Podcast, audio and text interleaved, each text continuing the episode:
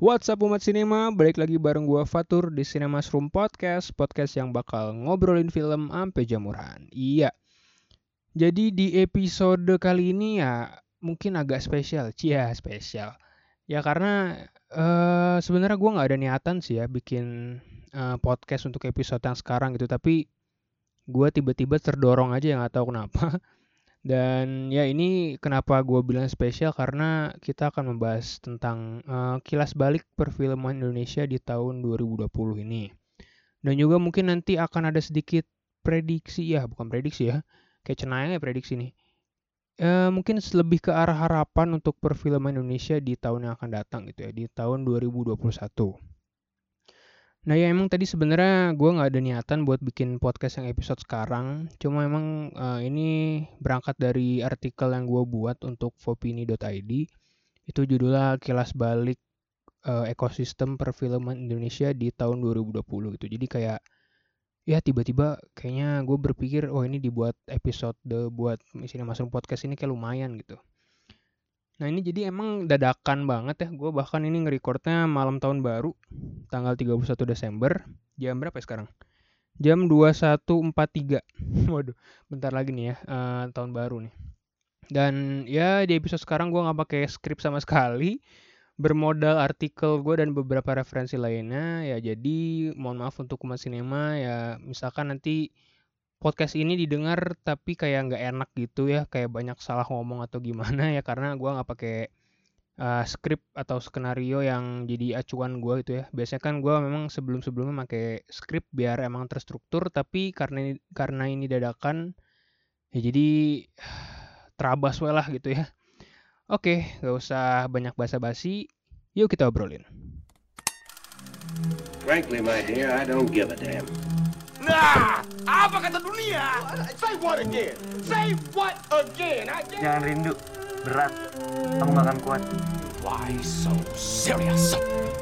Kemerdekaan itu nasi dimakan jadi tai.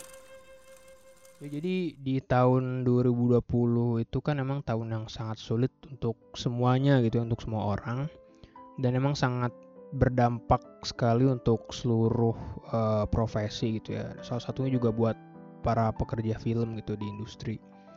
Dan di tahun 2020 ini kita di perfilman Indonesia ya khususnya. Nah karena kita akan fokusnya lebih ke perfilman di Indonesia sih, nggak sampai keluar gitu. Karena emang perfilman kita uh, lagi berkembang banget ya. Kalau kata Mas Gari Nugroho di bukunya, uh, di buku yang era emas perfilman Indonesia pasca reformasi memang 2020 ini termasuk dalam era emas perfilman Indonesia gitu. Yang ditandai dengan para penonton itu udah mulai percaya dengan film lokal gitu. Dari tahun 2016 itu banyak peningkatan jumlah penonton gitu ya. Dan sayangnya lagi pas berkembang berkembangnya nih ya si pandemi ini datang gitu ya. Jadi uh, menurunkan dan meruntuhkan proses perkembangan uh, perfilman di Indonesia ini gitu. Tapi ya bagaimana lagi ya, bahkan emang bukan perfilman Indonesia doang kali ya, semua uh, di semua negara juga pasti terdampak gitu. Nah di bahasan kilas balik ini gue akan membagi menjadi beberapa poin ya uh, berdasarkan dari artikel yang gue tulis buat vopini.id yang tadi judulnya kilas balik perjalanan ekosistem perfilman Indonesia di tahun 2020. Dan ini sorry ya kalau emang pas nanti ketika gue bikin podcast ini misalkan nanti ada suara petasan karena emang tetangga gue pada main petasan sih tadi tapi semoga aja nggak mengganggu gitu. Oke jadi tadi gue udah membagi ini untuk uh, pembahasan ini untuk beberapa poin. Nah ini ada 1, 2, 3, 4, 5, 6, 7, 8, 9 poin kayaknya. Dan ini Uh, mungkin gak begitu runut ya berdasarkan bulan-bulan di 2020 jadi ini mungkin agak sedikit loncat-loncat. Nah jadi di uh, tahun 2020 ini ya berdasarkan yang gue riset itu kita uh, emang mengalami banyak sekali aktivitas. Kayak di paruh awal tahun 2020 ya dari Januari sampai minggu ketiga di bulan Maret ya kalau nggak salah itu kita perfilman Indonesia ini udah sempat meraup 12 juta penonton ya. Padahal baru tiga bulan kurang. terus lagi kemudian bioskop ditutup terus lagi film-film batal tayang lalu lagi ada uh, banyak kasus uh, permasalahan hak cipta dan pembajakan terus lagi sampai ke bioskop itu dibuka kembali baru-baru ini Oktober atau November gitu 2020 Nah di poin pertama nih soal tadi ya 12 juta penonton di paruh awal tahun 2020 Jadi menurut yang gue tulis di artikel gue itu referensinya kalau nggak salah dari filmindonesia.or.id jadi film Indonesia itu udah sempet rilis sekitar 28 judul nah, dari awal Januari sampai ke Maret minggu ketiga. Dan itu udah meraup total 12 juta penonton 12 juta lebih sedikit itu. Dan itu menurut gua ya untuk uh, perfilman Indonesia apalagi di paruh awal tahun ya baru tiga bulan kurang itu tuh udah banyak banget sih menurut gue ya. Karena karena ya kalau dilihat dari tahun-tahun sebelumnya nih uh, ini juga datanya gue ambil dari uh, dot apa filmindonesia.org.id itu kita 2015 itu total seluruh penonton film lokal itu ada 16 juta 16,2 juta terus lagi 2016 ini ya yang bener-bener naik banget itu ada 34,5 juta 2017 ada 40,5 juta 8 eh, 2018 ada 50 juta dan 2019 kemarin ada 51,9 juta. Wah, gila ini emang bener-bener gak salah sih disebut sebagai era emas kebangkitan perfilman Indonesia pasca reformasi gitu. Nah, sayangnya uh, ya 2020 ini terpaksa harus turun lagi gitu ya mungkin jumlahnya. Emang emang pasti turun sih. Dan bisa dibayangkan aja misalkan 2020 ini berjalan dengan normal bahkan di paruh awalnya pun baru dapat 12 apa udah dapat 12 juta. Bayangin aja gitu ya, sampai uh, 2020 berakhir kalau emang harusnya berjalan dengan normal itu pasti mungkin bisa lebih dari 51,9 juta ya. Bisa lebih dari rekor tahun sebelumnya gitu tahun 2019 nah di tahun ini gue juga emang sebenarnya belum banyak nonton film Indonesia ya di awal tahun. Kalau gak salah sih yang gue inget yang gue tonton di bioskop itu NKCTHI terus lagi nyanyi anak rumput terus lagi abrakadabra darah daging eh, darah daging itu tahun ini atau tahun kemarin ya? Gue lupa deh pokoknya kalau nggak salah tahun ini deh apa akhir tahun lalu ya gue lupa. Ada lagi Mekah Coming nah itu Mekah Coming sama sebelum iblis menjemput ayat 2 baru itu doang sih film Indonesia yang gue sempet tonton di 2020 gitu nah uh, untuk statistik jumlah penonton terbanyak ya di tahun 2020 ini dipuncaki oleh Milea, suara dari Dilan. Ini masih memuncaki tangga box office dengan total 3 3,1 juta, terus lagi ada NKCTHI 2,2 juta. Sama yang ketiga ada Akhir Kisah Cinta Sidul 1,1.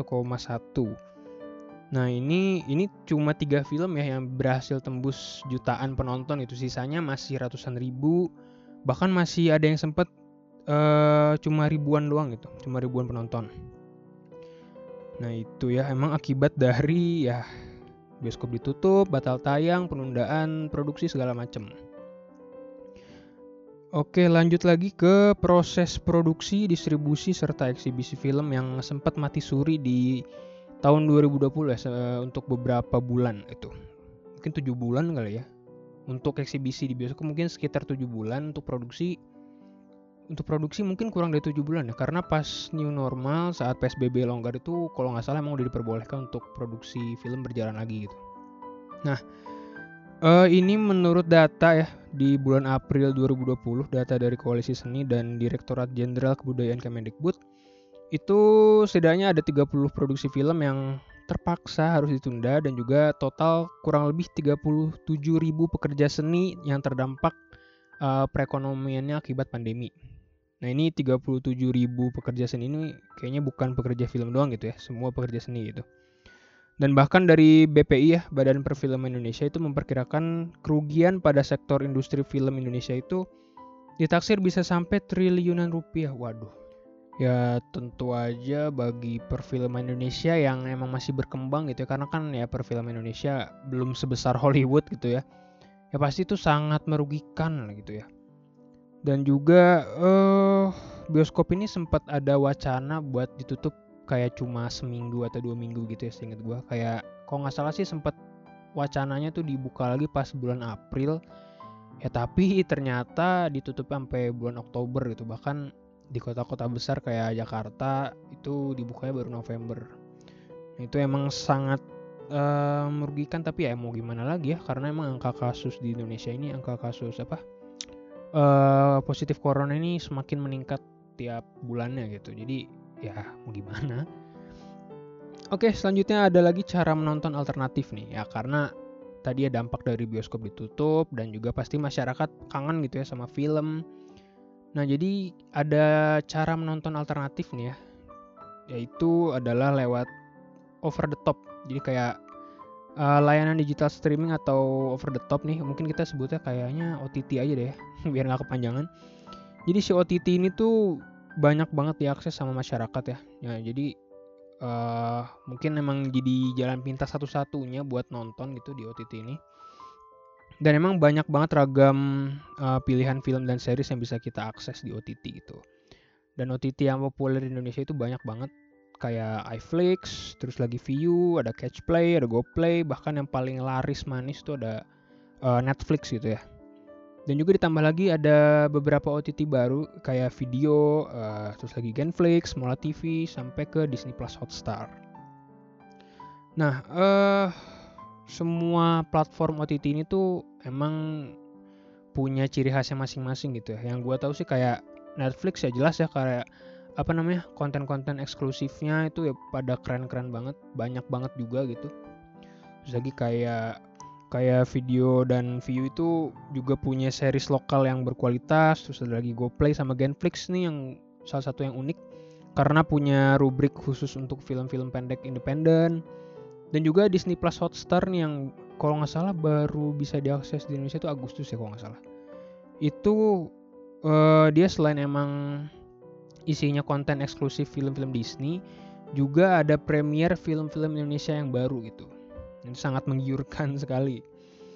Jadi uh, si OTT ini emang selain jadi jalan pintas penonton atau penikmat film ya masyarakat untuk bisa kembali menikmati film di tengah-tengah pandemi, juga bisa menjadi jalan pintas bagi rumah produksi untuk kembali uh, memulai proses distribusi film-film mereka ya, yang emang harusnya rilis di bioskop, tapi banting setir ke OTT itu gak uh, ya nggak tahu ya mungkin kalau secara statistik pendapatan gue nggak paham apakah sama uh, pendapatannya sama kayak dirilis ke bioskop atau gimana gue nggak tahu. Cuma memang banyak banget film-film yang akhirnya tuh berakhir di OTT gitu kayak uh, film mudik ya yang kemarin menang FFI untuk skenario asli terbaik itu rilis di Mola TV terus lagi uh, guru-guru gokil sama bucin Bucinnya Chandra Leo itu jadi Netflix original dan juga 7 film dari Falcon Pictures dan juga MD Entertainment itu rilis di Disney Plus Hotstar. Nah, uh, selain OTT nih ya, kita juga selama pandemi ini tuh diperkenalkan dengan drive-in cinema. Mungkin bagi yang asing kayak drive-in cinema tuh apaan gitu kan. Nah, ini cara menonton alternatif di mana kita para penonton tuh harus bawa mobil ya, harus bawa mobil sendiri, terus lagi nanti kita nontonnya dari mobil gitu walaupun emang gue belum gue belum pernah nyoba sih drive-in cinema karena di kota gue di Bogor ini nggak ada yang buka drive-in cinema jadi ya tadi cara menontonnya kita bawa mobil terus nanti kita mobilnya kayak parkir dan menghadap ke entah layar entah tembok nanti itu ada proyeksi filmnya gitu di situ dan kita nonton di situ nah ini emang nggak banyak sih ya nggak maksudnya nggak merata gitu di tiap kota ada tapi ya untuk kota-kota besar tertentu aja yang segmentasinya memang ya menyesuaikan demografi masyarakatnya masing-masing gitu. Nah tapi sayangnya nih di drive-in cinema ini ada kasus yang nggak mengenakan ya di mana aduh gue gue nyebutin namanya ya kayaknya jangan deh jadi ada satu perumahan besar ya uh, sempat menayangkan film dari Star Vision. Eh Star Vision apa apa ya? Star Vision bener kok nggak salah. Dan ternyata kegap sama produser dan itu nggak punya izin resmi untuk penayangannya. Jadi dipermasalahkan ya sebagai uh, sebagai kasus pelanggaran hak cipta dan itu sangat disayangkan banget. Nah selanjutnya nih berhubungan dengan pelanggaran hak cipta. Jadi di masa-masa pandemi ini di perfilman Indonesia ini justru uh, banyak juga ya karena emang rentan sih ya uh, kayak banyak film yang diakses secara digital di OTT dan juga tadi driving cinema. Jadi justru kasus-kasus kayak pelanggaran hak cipta dan pembajakan tuh jadi malah semakin rentan gitu. Nah kalau kita ngomongin OTT nih uh, justru kasusnya lebih rentan ya karena ya gampang ya. Maksudnya secara penyebarannya kan semua orang bisa ngakses lewat handphone atau lewat laptopnya sendiri dan kalau emang punya niat jahat ya tapi jangan loh ya. Kayak bisa direkam ulang atau gimana gitu. Nah ini salah satu yang emang sempat booming di uh, perfilman Indonesia. Itu pada tanggal 5 Juni 2020 tapi ini bukan di OTT bukan di OTT sih ini di televisi. Jadi tanggal 5 Juni 2020 ini ada kasus pelanggaran hak cipta terhadap film dokumenter pendek itu karya Mbak Ucu Agustin ya, judulnya Sejauhku Melangkah. Nah, uh, film si Sejauhku Melangkah ini ditayangkan di TVRI juga di platform UCTV. Di uh, eh, UCTV ini punya Telkom. Nah, uh, penayangan itu nggak mengantongi izin tayang yang resmi sebenarnya. Dan bahkan saat penayangan filmnya, Mbak Uju Agustin ini ada kontrak gitu untuk penayangan di mana ya? Gue lupa ya. Di Kairo atau apa ya? Uh, itu untuk gak boleh ditayangkan di mana-mana dulu gitu. Sedangkan ini di TVRI dan di UCTV ini udah ditayangkan. Padahal nggak mengantongi izin tayang yang resmi. Nah uh, akhirnya Mbak Ucu Agustin menyomasi pihak TVRI dan uh, Telkom. Oh ya bahkan di TVRI ini si apa namanya si TVR ini kerjasama dengan Kemendikbud ya untuk program belajar dari rumah. Jadi mereka kayak nayang-nayangin film yang punya muatan edukasi. Dan film yang Mbak Ucu Agustin ini masuk ke situ. Dan ya sayangnya dari Kemendikbud itu ya. Tapi ya bener sih pelanggaran hak cipta dan gak mengantongi izin yang resmi itu sangat disayangkan banget sih apalagi dari kementerian gitu ya. Dan pada akhirnya cuma berakhir uh, permintaan maaf ya. Dan itu ya kayak seakan disepelekan banget sih gitu. Nah lanjut lagi ke Agustus 2020. Ini tepatnya di hari kemerdekaan Indonesia 17 Agustus. Ini lewat akun Twitter pribadinya seorang menteri. Mungkin nah, gue sebutin ya. Itu Bapak Cahyo Kumolo. Di akun Twitternya itu beliau sempat nge-tweet soal uh, link film-film Indonesia yang lawas tapi uh, film-film dari YouTube gitu ya. Jadi ilegal dan itu ya santai aja gitu ya di tweet itu. Dan sayangnya ya tentunya itu melanggar uh, hak cipta juga sih. Dan menuai banyak respon negatif terutama yang gue inget sih respon dari Joko Anwar. Ya, waktu itu gue bahkan tahunya dari Joko Anwar juga sih dari Twitter Joko Anwar. Dan ya iya sih ini sangat disayangkan banget ya. Uh, orang-orang dari pemerintahan bahkan gak kasarnya ya kasarnya nggak paham sama yang namanya hak cipta gitu. Jadi kayak ya santai aja gitu nge-share link-link ilegal. Itu sangat disayangkan banget. Itu dua kasus tuh ya dari orang-orang dari pemerintahan. Ini lanjut lagi ke OTT-nya Mas Angga Dwi Masa Songko dari Visinema. Itu bioskoponline.com jadi Mas Angga ini baru bikin spin-off-nya NKCTHI yang Story of Kale. Dan baru seminggu penayangan tuh udah banyak dibajak. Dan itu Mas Angga tuh marah banget ya iyalah wajar lah ya capek-capek bikin film bahkan di uh, masa pandemi gini kan mempertaruhkan nyawa gitu ya bikin film. Tapi masih juga dibajak gitu. Bahkan uh, bioskoponline.com ini udah menyediakan harga yang sangat murah untuk menonton film-film yang rilis di situ tapi masih ada aja yang bajak itu sangat disayangkan. Mas Angga uh, menyatakan perangnya dengan para pembajak dan akhirnya sih ada yang tertangkap ya entah berapa orang. Pokoknya ada yang berhasil diringkus oleh polisi Nah, dari kasus-kasus pembajakan serta pelanggaran hak cipta ini emang uh, kita jadi tahu ya kalau orang-orang Indonesia ini, masyarakat Indonesia ini kayaknya belum aware banget sama yang namanya hak cipta ya. Ya emang kasus-kasus pembajakan sih udah dari kapan tahu gitu ya. Tapi ya setidaknya di masa pandemi ini kita harusnya bisa lebih aware dan bisa lebih tahu gitu ya. Jadi kita harusnya bisa membekali diri dengan pemahaman soal emang semua karya dalam bentuk apa pun tuh ya pasti punya hak cipta yang dipegang mutlak oleh para pembuatnya gitu jadi ya mungkin kita harusnya bisa lebih menghargai dan mengapresiasi semua karya gitu. Lanjut lagi, itu ada agenda edukasi dan apresiasi sinema secara online. Nah, ini menarik nih.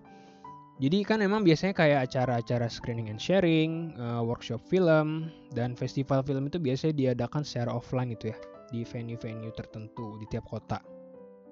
Nah, tapi tahun ini harus menyesuaikan gitu ya, diselenggarakan secara daring, entah itu via telekonferensi Zoom atau Google Meet, bahkan ada yang via via live streaming YouTube. Dan ini salah satu yang gue inget itu JAF ya JAF yang tahun ini Jogja Netpack Asian Film Festival yang keberapa ya tahun ini? gue lupa. Ke-15 ya kalau nggak salah, ke-15 tahun. Ini mereka mengadakan uh, penayangan film-film dan kayak rangkaian acara masterclass, terus lagi uh, sharing with the filmmakersnya itu lewat aplikasi Klik Film. Ya mungkin gue waktu itu masih sempet uh, nonton kayak tiga film doang ya. Soalnya gue masih sibuk kuliah waktu itu. Jadi di JAV ini benar-benar menarik banget waktu itu ya library film-filmnya, film-film Asia Pasifik gitu ya. Gue cuma sempet nonton The Boy with Moving Image-nya Mas Rufi Nasution, terus lagi apa teh lupa gue. Oh ya Indonesian Film Splash yang ada yang ada filmnya Mas Winner Wijaya yang apa teh? Yang Tuhan Vlog gue lupa juga. Oh ya uh, Hi guys, balik lagi bareng gue Tuhan ya kalau nggak salah. Sama sama satu lagi film dari Cina gue aduh lupa judulnya oh ya judulnya Long Day dari Wolumo ya kalau nggak salah filmmakernya gue cuma sempet nonton tiga itu doang sih padahal waktu itu tuh murah banget ya kayak satu uh, konten dari Jav itu bisa diakses dengan harga sepuluh ribu doang itu bahkan gue rasa lebih murah ketimbang datang secara offline itu tapi emang ya sensasinya beda banget lah ya mending offline gitu. Nah uh, selain JAV ini ya ada lagi Madani Film Festival. Ini ini tahun kelima apa tahun ketiga ya? Mohon maaf ya kalau gue salah. Kayaknya kelima sih karena seingat gue Madani ini dia di didirikan atau diadakan tuh pertama kali tahun 2015 nah ini juga mereka pakai aplikasi klik film uh, Quiku dan juga Fitsi nah ini juga gue waktu itu cuma sempat nonton film pendeknya doang sih di Fitsi Nah, selain festival film besar ya, ini juga dari kacamata unit kegiatan mahasiswa yang bergerak di bidang perfilman ya dari berbagai kampus juga mereka semua ini pada ngadain festival film pendek secara online gitu ya berbasis daring. Banyak banget yang gue tau kayak Uci Fest dari UMN ya, Multimedia Nusantara, terus juga UI Film Festival dari Universitas Indonesia, Midsummer Film Festival dari ISI Denpasar, Terus lagi tuh apa ya? Uh, Festival Film Lampung dari Institut Informatika dan Bisnis Dharma Jaya. Dan juga ini ini juga gue terlibat sih di Bogor Independent Film Festival 2020 dari Sekolah Vokasi Institut Pertanian Bogor.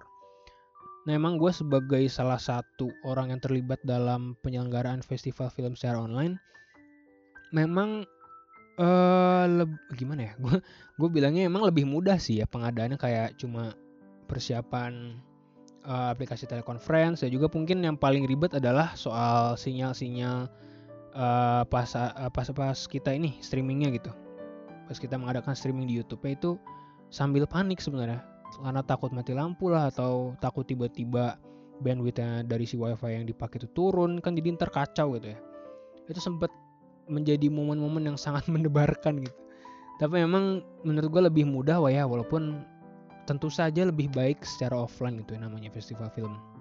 Biar euforianya lebih asik aja sih. Nah, tapi dari semua itu ya, pengadaan acara-acara film secara online ini dampak positifnya adalah partisipasi dari masyarakat yang pengen ikutan acara itu jadi lebih gampang dan lebih banyak sih.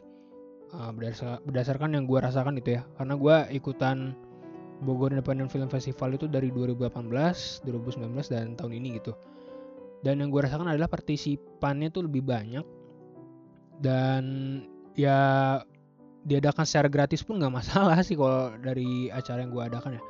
Jadi kayak menariknya menarik minat penonton atau masyarakat yang pengen ikutan itu jadi lebih gampang gitu. Dan tanpa harus keluar rumah, tanpa harus merogoh ongkos yang besar. Tapi tetap aja yang namanya festival film itu euforianya terletak saat kita bisa nonton secara offline dan bareng-bareng rame-rame gitu. Lanjut lagi ke oh ini tentang FFI 2020 nih. Jadi FFI tahun 2020 ini mencetak sejarah baru ya.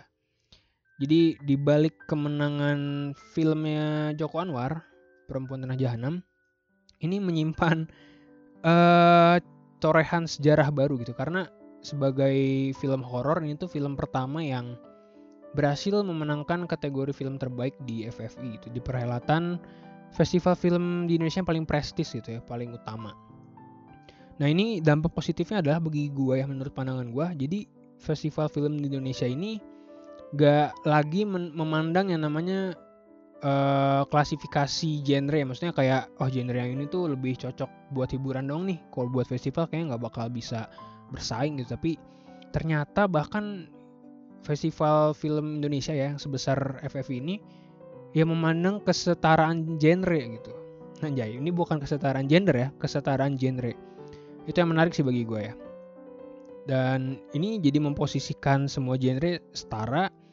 Ya kan biasanya seperti yang kita ketahui ya, genre horror atau genre yang lainnya kayak genre-genre action mungkin genre-genre yang cenderung biasanya dijadikan sebagai hiburan atau pemuas adrenalin tuh ya di FF ini dipandang setara dan itu menarik sih bagi gue ya.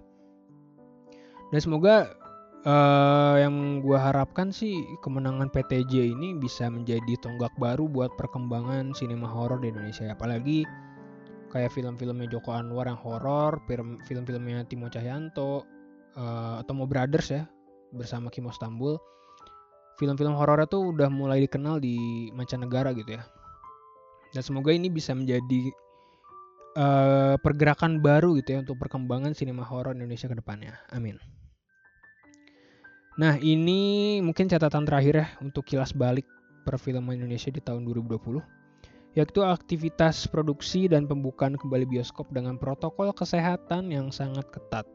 Nah, jadi memang e, ketika masuk fase new normal atau pelonggaran PSBB, ini tuh jadi kesempatan emas bagi rumah produksi untuk melanjutkan kembali produksi-produksi film yang sempat tertunda gitu dan alhamdulillahnya sampai gue record podcast yang sekarang itu kebanyakan memang produksi film itu banyak yang berhasil selesai dengan aman gitu ya tanpa ada cat, tanpa ada catatan kasus positif atau gimana.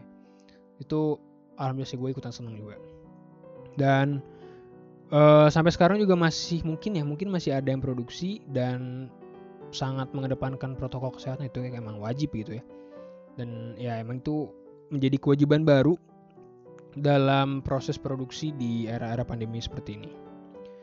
Nah selain agenda produksi juga agenda nonton di bioskop ya karena bioskop udah mulai dibuka tuh Oktober untuk kota Ternate, Samarinda, Banjarmasin, Pontianak dan Jayapura itu udah mulai buka tuh pada 17 Oktober ya 2020. Dan diikuti kayak Jakarta ya, kota-kota besar lainnya tuh di November 2020. Nah mungkin uh, semua bioskop ini pastinya ya buka dengan ketentuan-ketentuan protokol kesehatan gitu.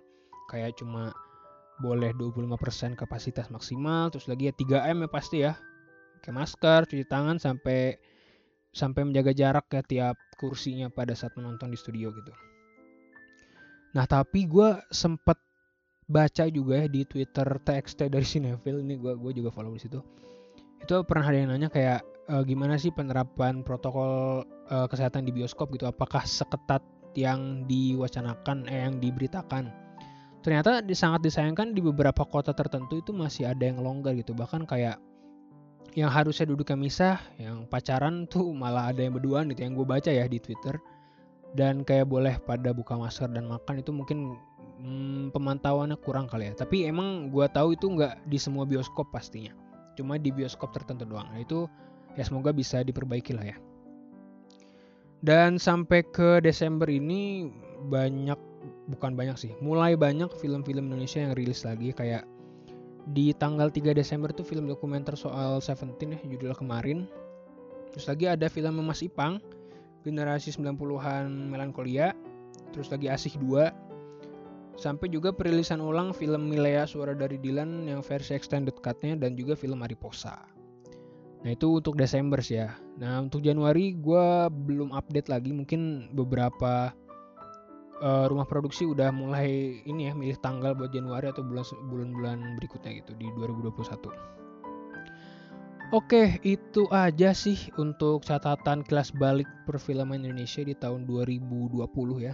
Nah, kita sekarang bakal ngebahas tentang harapan, cia harapan. Harapan untuk perfilman Indonesia di tahun yang akan datang di tahun 2021. Nah, pasti yang namanya harapan untuk 2021 tuh ya nomor satu banget ya. Itu gue berharap yang namanya virus corona ini bisa segera minggat ya dari dari dunia ya. Bukan dari Indonesia doang dari dunia. Jadi maksud gue ya semoga aja bisa ditangani kayak lewat entah obat atau vaksin nantinya gitu ya. Karena emang alhamdulillah semenjak pergantian menteri kesehatan sorry nih gue harus ngebahas ini semenjak pergantian Menkes itu yang kemarin gue lihat di wawancara persnya memang memberi sebuah harapan baru yang gue denger ya.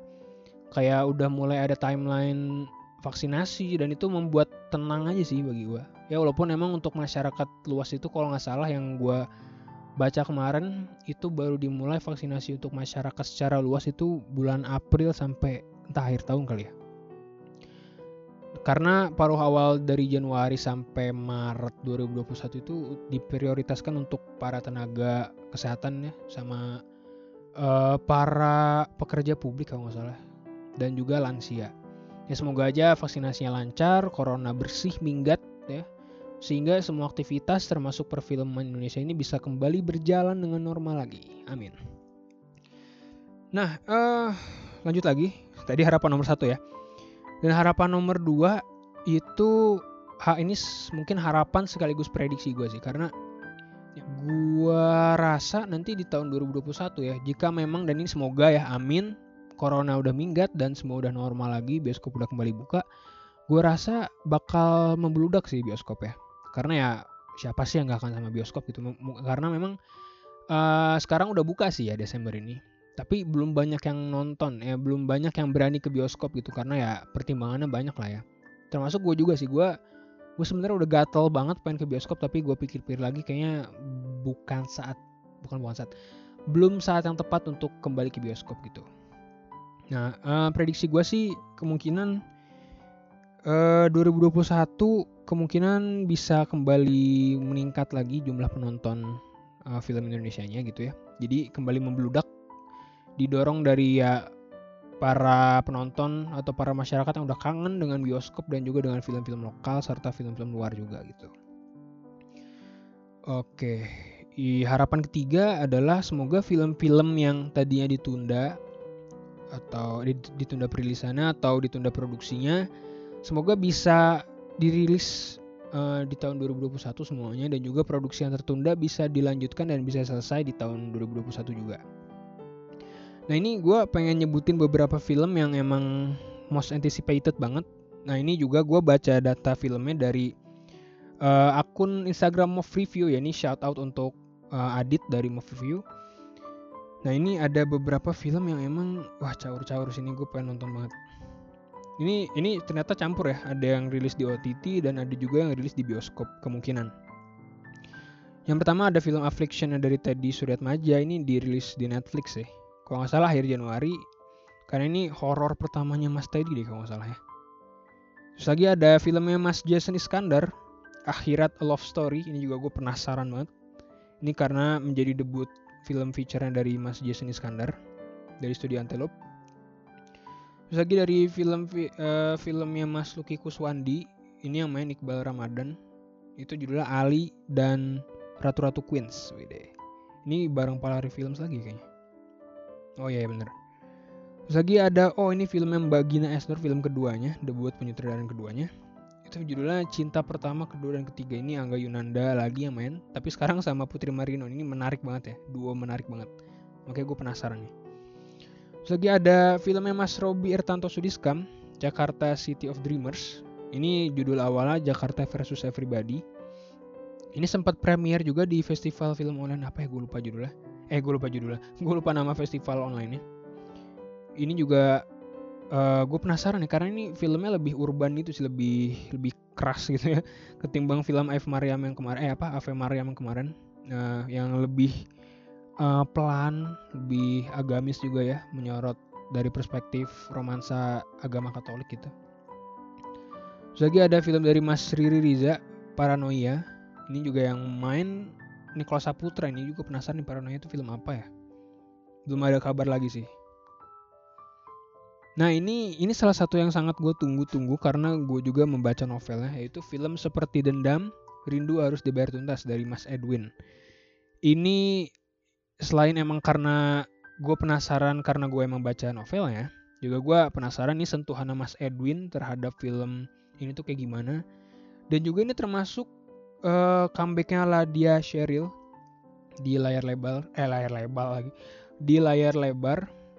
Terus juga ini acting pertamanya Mas Sal Priadi ya uh, sebagai aktor pendukung kayak eh dia tuh meranin si ini ya si Toke. Si Toke tuh termasuknya ya supporting sih bener. Ini gue penasaran pokoknya. Ini paling ini nomor satu yang paling gue tunggu-tunggu di tahun depan sih film seperti Dendam Rindu yang harus dibayar tuntas ini terus lagi ada film Cinta itu Bangsat. Wih kasar juga nih. Dari Mas Amir Pohan. Ini gue liat trailer ini bagus banget sih. Maksudnya secara visual ya tapi gue nggak tahu sih secara uh, sinopsisnya gue belum baca sih sebenarnya. Juga ada film Detak dari Mas Yong Kyong itu film Thank You Salma ini uh, sequel kedua ya dari dari siapa? Eh dari siapa? Dari apa? Film apa? Jeffrey Nicole tuh? Oh Dirnatan gue baru inget karena ini di film Thank You Salma ini udah ganti director ya bukan Mas Indra Gunawan lagi tapi Mas Kunz Agus. Menarik. Terus juga ada film June and Copy ini rilis di OTT Netflix. Gue lupa tanggal berapa dari film dari Mbak Noviandra Santosa. Sutradara film horor pintu merah ya nggak salah. Nah ini juga di postingan mau review ini gue baru tahu ternyata Mas Garin ini juga akan bikin film lagi. Judulnya puisi cinta yang membunuh ini gue baru tahu dan wah gue penasaran banget dari judulnya karena ini tentang apa ini kayak menarik banget gitu karena gue wah siapa sih yang gak menunggu-nunggu filmnya Mas Garin Nugroho gitu Terus lagi ada Petrus trilogi dari Mas Anggi Umbara. Ada Mendarat Darurat, filmnya Mas Panji Pragiwaksono. Ini film kedua dia ya. Setelah apa tuh? Partikelir. A Perfect Fit dari Mbak Hadrah Daeng Ratu. Lost Man Bubroto ini nih juga nih. Ini gue penasaran nih karena ini debut bukan debut sih. Maksudnya pertama kalinya Mas Iva dan Mas Edi Cahyono barengan ngedirectnya gitu ya sebagai duo. Lost Lost Man Bubroto ini adaptasi serial TV zaman dulu ya di Indonesia. Terus ada Rumah Masa Depan, Daniel Rifki dan juga Mencuri Raden Saleh, Mas Angga Dwi Masa Songko. Oh, uh, ada lagi ya film Mas Angga itu, Filkop 3 ya? Filosofi Kopi 3 band Ben dan Jody the Movie kalau nggak salah. Itu kalau nggak salah sih sesuai tease-nya kayaknya bakal agak-agak action ya. Film uh, Filkop 3 ini gue penasaran juga sih. Dan masih banyak lagi lah pokoknya ya. Ya jadi uh, itu tadi beberapa film yang kemungkinan akan rilis tahun depan dan semoga semuanya berhasil dirilis uh, dengan lancar gitu ya di bioskop maupun di OTT juga. Ya pokoknya harapan terakhir gue di tahun depan di tahun 2021 semuanya nggak cuma ini ya nggak cuma perfilman di Indonesia semua eh, apa namanya di perfilman semua negara itu kembali lancar lagi kembali bisa beraktivitas uh, dengan sangat lancar tanpa adanya hambatan lagi mulai dari produksi, distribusi sampai eksibisinya. Dan ya yang terpenting semoga kita selalu diberi kesehatan, dibeli dibeli, diberi perlindungan dan semoga tahun depan kita bisa menjadi pribadi yang lebih baik lagi. Oke, ya mungkin untuk episode sekarang segitu aja ya dari Cinema Podcast. Ya mungkin untuk kalimat penutup, uh, selamat tahun baru 2021. Semoga kita bisa menjadi pribadi yang lebih ini gue ulang lagi ya. Jadi pribadi yang lebih baik lagi dan bisa melaksanakan semua rencana yang sempat tertunda di tahun 2020 ini gitu. Amin. Oke, mungkin itu aja untuk Cinema Room Podcast episode sekarang. Uh, jangan lupa untuk uh, follow anjay, follow. Follow Cinema Room Podcast di Spotify atau di Anchor FM atau di mana pun kalian mendengarkannya. Dan stay healthy, stay safe, dan stay sane ya. Gua Fatur, pamit undur diri. Sampai jumpa di episode selanjutnya di Cinema Room Podcast. Ngobrolin film apa jamuran.